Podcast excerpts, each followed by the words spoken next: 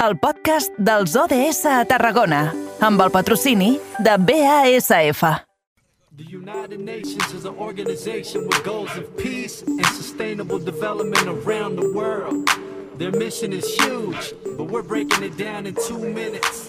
17 sustainable... Passen 5 minuts del punt de les 6. Hora perfecta per atornar-nos als estudis de BXC Ràdio, que allí tenim el nostre company Jonai González. Jonai, et veig molt content, molt feliç, Sí. cantant, vaja.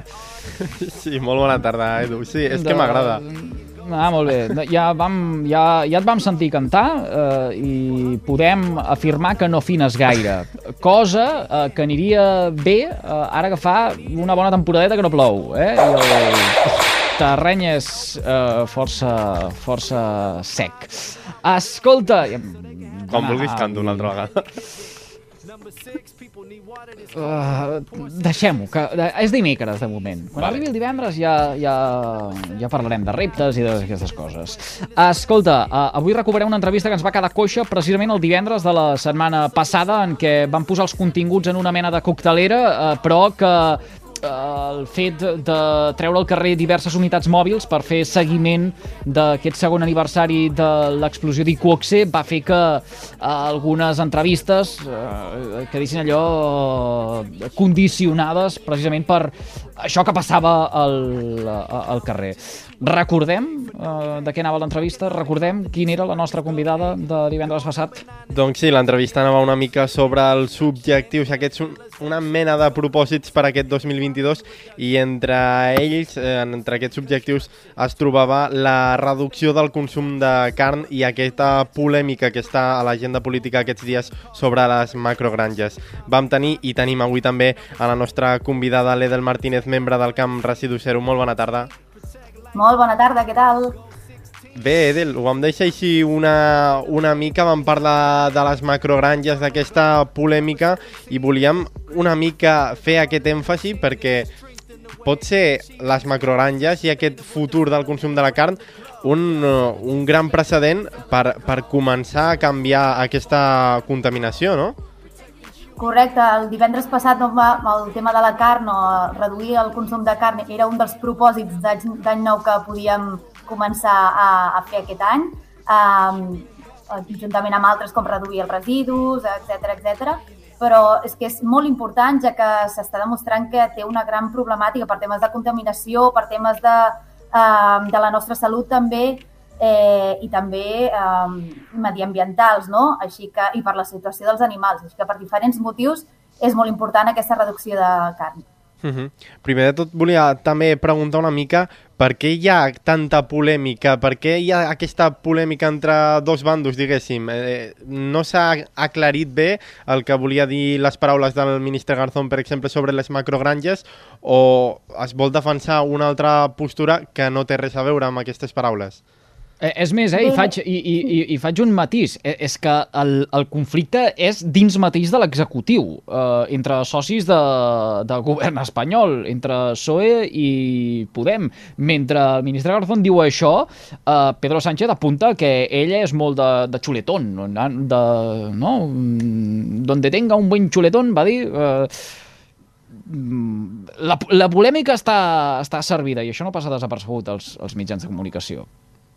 Jo crec que tot depèn també de la visió de la persona. Potser el Garzón està més conscienciat i, no, mm, se la, i, i se la juga bastant. Potser el, el Pedro Sánchez no, és, no està tan conscienciat o no se la vol jugar tant, no ho sé. Uh, no estic dins de la ment dels polítics, és molt complicat um, entendre'ls, però sí que és veritat que és molt complicat enfrontar-se a una indústria tan gran com la càrnica, igual que um, associacions també ens hem enfrontat uh, contra la indústria del plàstic, no? quan t'enfrontes i expliques la realitat d'aquestes problemàtiques, doncs surten aquestes indústries tan grans que, clar, et surten negacionistes no? per tot arreu i, i és, és molt, molt, molt complicat. Um, qui té la raó? Doncs, com sempre, jo opto cap a, a escoltar els científics, no? a veure dades, a veure el, els índexs de contaminació que, que són els reals. I, i bé, no, no hem d'anar cap als límits, hem d'anar a poc a poc. Ja m'agradaria a mi, per exemple, que reduïssin tots els residus o que, eh, que tothom deixés de consumir carn, però hem d'anar a poc a poc, primer, a enfrontar-nos a la realitat i després a començar a, a posar solucions.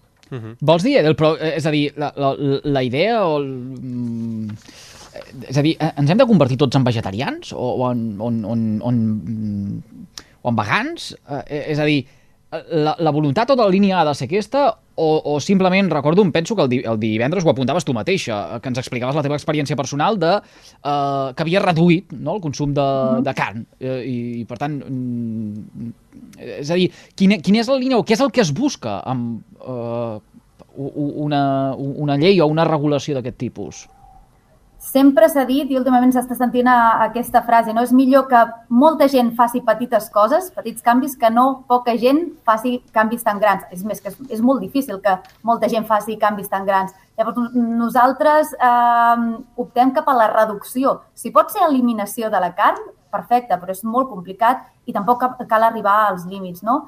Eh, jo crec que a poc a poc s'ha d'anar agafant hàbits, s'ha d'anar eh, buscant reptes, no? Per exemple, fa poc vaig, vaig sentir el repte del gener sense carn. bueno, per començar a provar no està malament. O el dilluns sense carn. Tot depèn del consum que tinguem nosaltres i anar reduint a poc, a poc perquè els beneficis seran molt bons. Uh -huh. Perquè entre, entre aquests beneficis també està el com es tracta l'animal no? en les diferents, eh, en, en les diferents eh, llocs de conreu, com és el cas de les macrogranges, que és eh, el centre de la polèmica, i per exemple també la, la ganaderia extensiva, que seria, per així dir-ho, el, el més tradicional. No? Quines diferències hi ha entre, entre totes dues? Doncs la intensiva seria com la dolenta o la que s'hauria de millorar o intentar canviar, ja que és una indústria que, ja en, en general, no? la indústria ramadera provoca el 15% dels gasos hivernacles i no només dels provinents eh, pets de, de les famoses vaques, sinó eh, que dels purins també provinents de, de la ramaderia intensiva. Per això diem que és la dolenta.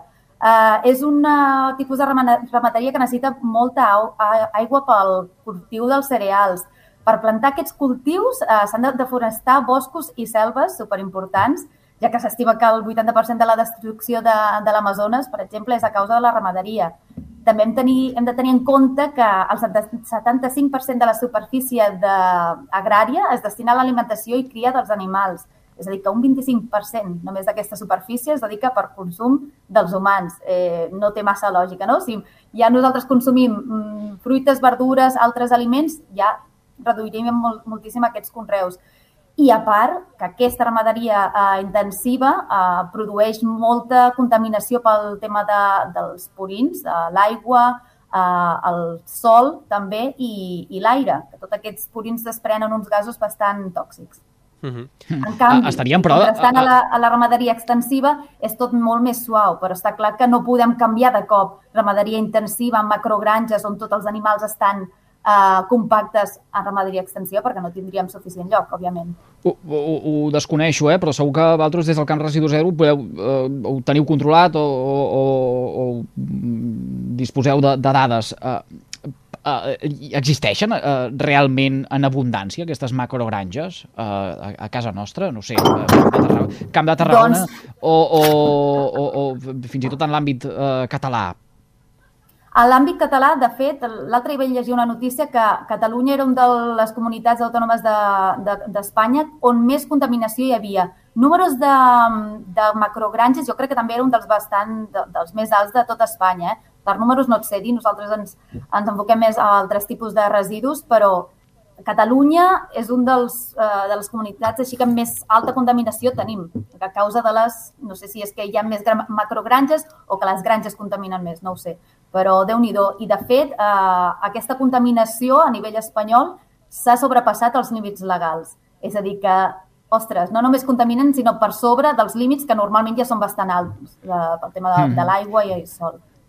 I hi ha multes per això? És a dir, quan parles de sobrepassar els límits, eh, eh, d'una banda entenc que és la regulació que n'ha de fer, eh, en el cas de Catalunya, la Generalitat o el Departament d'Agricultura, eh, però després el titular de cada una d'aquestes granges eh, suposo que també ha de eh, seguir unes eh, directrius, per exemple, els eh, purins, eh, que és el que se'n fa, filtracions que hi poden haver de, de, de tot plegat Eh, entenc que això està penalitzat, és a dir, qui no fa les coses com toca, eh, multa al canto. M'agradaria entendre que sí, que és així, si no, no serveix de res, no?, aquests límits legals. La notícia o les notícies que estan llegint últimament no mencionava res de cap multa. Suposo que s'analitzarà eh, les causes d'aquest fet de que sobrepassin aquests límits i es posarà mesures, però no tinc ni idea i, i espero i desitjo, però com que aquest país va així, no ho tinc del tot clar. Uh -huh. També hi ha altres inconvenients, no només en el medi ambient, sinó també en la nostra salut, no? amb, amb aquest excessiu eh, consum de carn.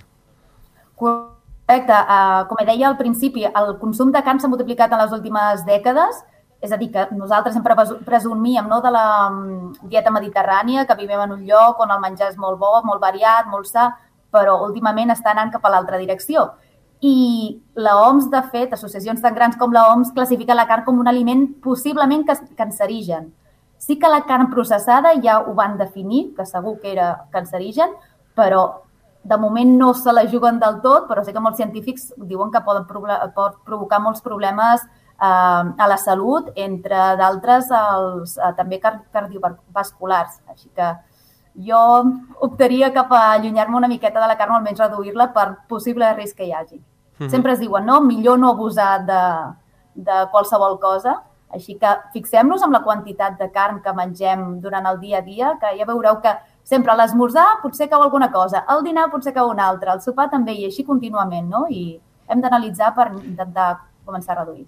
Fem entre tots aquest exercici que val, uh, val la pena. Eh? Uh, jo, en aquest cas, doncs, mira, i ara aquí també ho explico, uh, des de fa ja un temps uh, he intentat reduir això, el consum de carn potser més entre setmana i uh, concentrar sense eh, abusar eh, el cap de setmana. Però vaja, això al final eh, és cosa de, de cadascú. Tampoc no m'imagino ara que ve el temps de les calçotades, una calçotada sense eh, una bona eh, graellada eh, en acabat dels eh, ceballots. Però vaja, uh, Jonai, uh, els animalistes uh, també dit la seva en tota aquesta polèmica. Sí, és que justament eh, llegint els, els objectius de desenvolupament sostenible sí que es remarquen en aquests objectius eh, um, cuidar els ecosistemes i, i qüestions així, però sí que és veritat que, per exemple, no es parla, per exemple, dels drets del, dels animals. Crec que seria potser un pas a fer endavant eh, per, per treballar encara més aquesta sostenibilitat i sobretot després de veure no, que les macrogranges realment mm, són poc sostenibles perquè la quantitat de recursos que s'hi han de dedicar per alimentar els, els, els animals és superior al, al, que, al que nosaltres eh, consumir, consumiríem amb, amb vegetals, per exemple. Correcte, la situació dels animals o les condicions dels animals era el tercer punt o més gran o més important que jo considero, a part de la salut i temes mediambientals. Eh, la situació d'aquests animals, com ja vam dir el divendres, és bastant deplorable, no? Viuen, eh, es crien i, i, es, i creixen al poc temps en, en gàbies molt reduïdes, que quasi no veuen la llum solar, eh, la higiene també és bastant sospitosa, s'alimenten també en productes de poca qualitat i amb molts antibiòtics, que això també afecta la qualitat de la carn que menjarem, i el tracte que reben moltes vegades, clar, no podem generalitzar, però amb, amb documentals s'ha vist no, que, que, que el tracte d'aquests animals no és gaire bo, a part de les coses que, que heu comentat. I tot això també s'inclou no només a la indústria de la carn, sinó a la de la llet no sé, eh, els humans ens creiem superiors a, a, a moltes espècies, d'animals, de plantes, i estem aquí de passada. Jo crec que hauríem de respectar qualsevol eh, altra espècie. I sí, si al final ens l'hem d'acabar menjant, perquè hi ha gent que ho considera necessari, i perquè antigament no, ens alimentàvem i sempre ens, ens hem alimentat de, de carn, almenys intentem que la vida d'aquests eh, animals sigui digna si al final els l'acabem de menjar, d'acord, però que sigui el més digne possible i que visquin de la, manera, de la millor manera possible, perquè és, és bastant trist. Uh mhm. -huh. Justament volia preguntar-te una mica sobre com podria una persona que ara vulgui fer aquest pas cap a la reducció de carn, com podria adaptar-se mentalment o fer aquesta uh, transició cap a aquesta reducció de carn o, per exemple, per trencar també aquest mite de si es poden consumir o no aquestes proteïnes que provenen dels animals? Sí, és molt fàcil i, i em fa molta ràbia. No soc nutricionista, però, ostres, simplement documentant-se una miqueta, informant-se una miqueta, és bastant eh, fàcil descobrir que no només la carn porta proteïna, que porta ferro, hi ha molts aliments que en porten. Eh? Així que deixem aquest mite fora, que només la carn té aquestes, aquests, eh, aquestes substàncies. Així que eh, jo començaria, almenys és el que vaig fer jo i em va resultar més fàcil, suprimint la carn del, dels plats més eh, com diria jo, principals. No sé, si fas uns macarrons no cal que sigui amb carn picada, no? Intenta combinar amb altres coses. Si fas llenties no cal que sigui amb el típic xoriço. Intenta posar altres cosetes.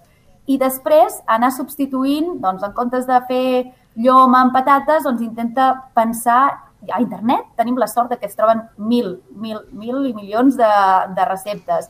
I si estem a les xarxes socials, també intentem seguir aquests perfils de, de receptes que sí, algunes són amb, amb ingredients una mica complicats, però anem a buscar alguna cosa més senzilla, que si ens volem complicar mm, serà més mm -hmm. difícil fer aquest pas.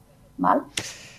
Edel, mira, tot just fa una hora eh, teníem amb nosaltres eh, en Guillemena, que és eh, col·laborador d'aquest programa, és, eh, és eh, doctor nutricionista eh, i doctor en nutrició, vaja, eh, i el tenim aquí doncs per eh, que ens expliqui moltíssimes coses. Precisament avui hem parlat de proteïnes, del consum de eh, proteïnes, i a més a més eh, hem fet un experiment, que és que eh, ens han enviat, de fet eh, jo ho he tastat, eh, ens ha enviat un, un sobret d'aquestes proteïnes, hem fet aquí, vaja, hem rigut una mica, ho hem tastat, però hem parlat de pròpiament tot això. El curiós és que aquestes proteïnes eh, venien d'insectes, eh, ara no me'n recordo si ha parlat de...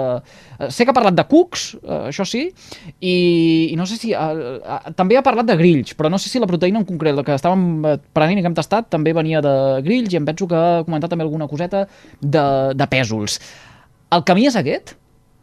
Mm, bé, no, crec que no cal arribar a aquest límit, no? que al final els grills i tots aquests animalons que has dit també són animals, no? però potser no són tan contaminants com els altres, però és que jo crec que aquí tenim la sort de tenir cigrons, llenties, arròs, eh, no sé, tot tipus d'aliments. Llavors, jo crec que aniria més per aliments més normals i més que tenim a l'abast i més potser petitosos que grills i, i a poc a poc, a poc. Ja més endavant ja veurem si hem de menjar aquestes coses tan estranyes tenia gust de vainilla, eh? Vull dir que no, que, no, ah, que no hem tret... Tot és provar-ho, no? No, no, hem tret, no hem tret... A veure, uh, uh, jo confesso, eh? Ho han vist, a més a més, els nostres, uh, els nostres seguidors de xarxes socials a través de, dels clips de vídeo i els nostres oients ens hauran escoltat, eh?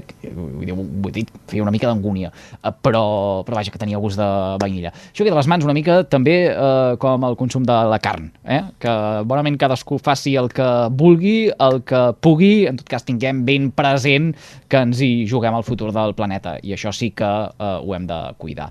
Edel, eh, t'agraïm moltíssim que un dia més hagis compartit amb nosaltres aquesta estoneta. Eh, com sempre, les teves explicacions són molt didàctiques eh, i queda tot molt entès. Gràcies, a reveure. Molt bé, moltíssimes gràcies. Fins aviat.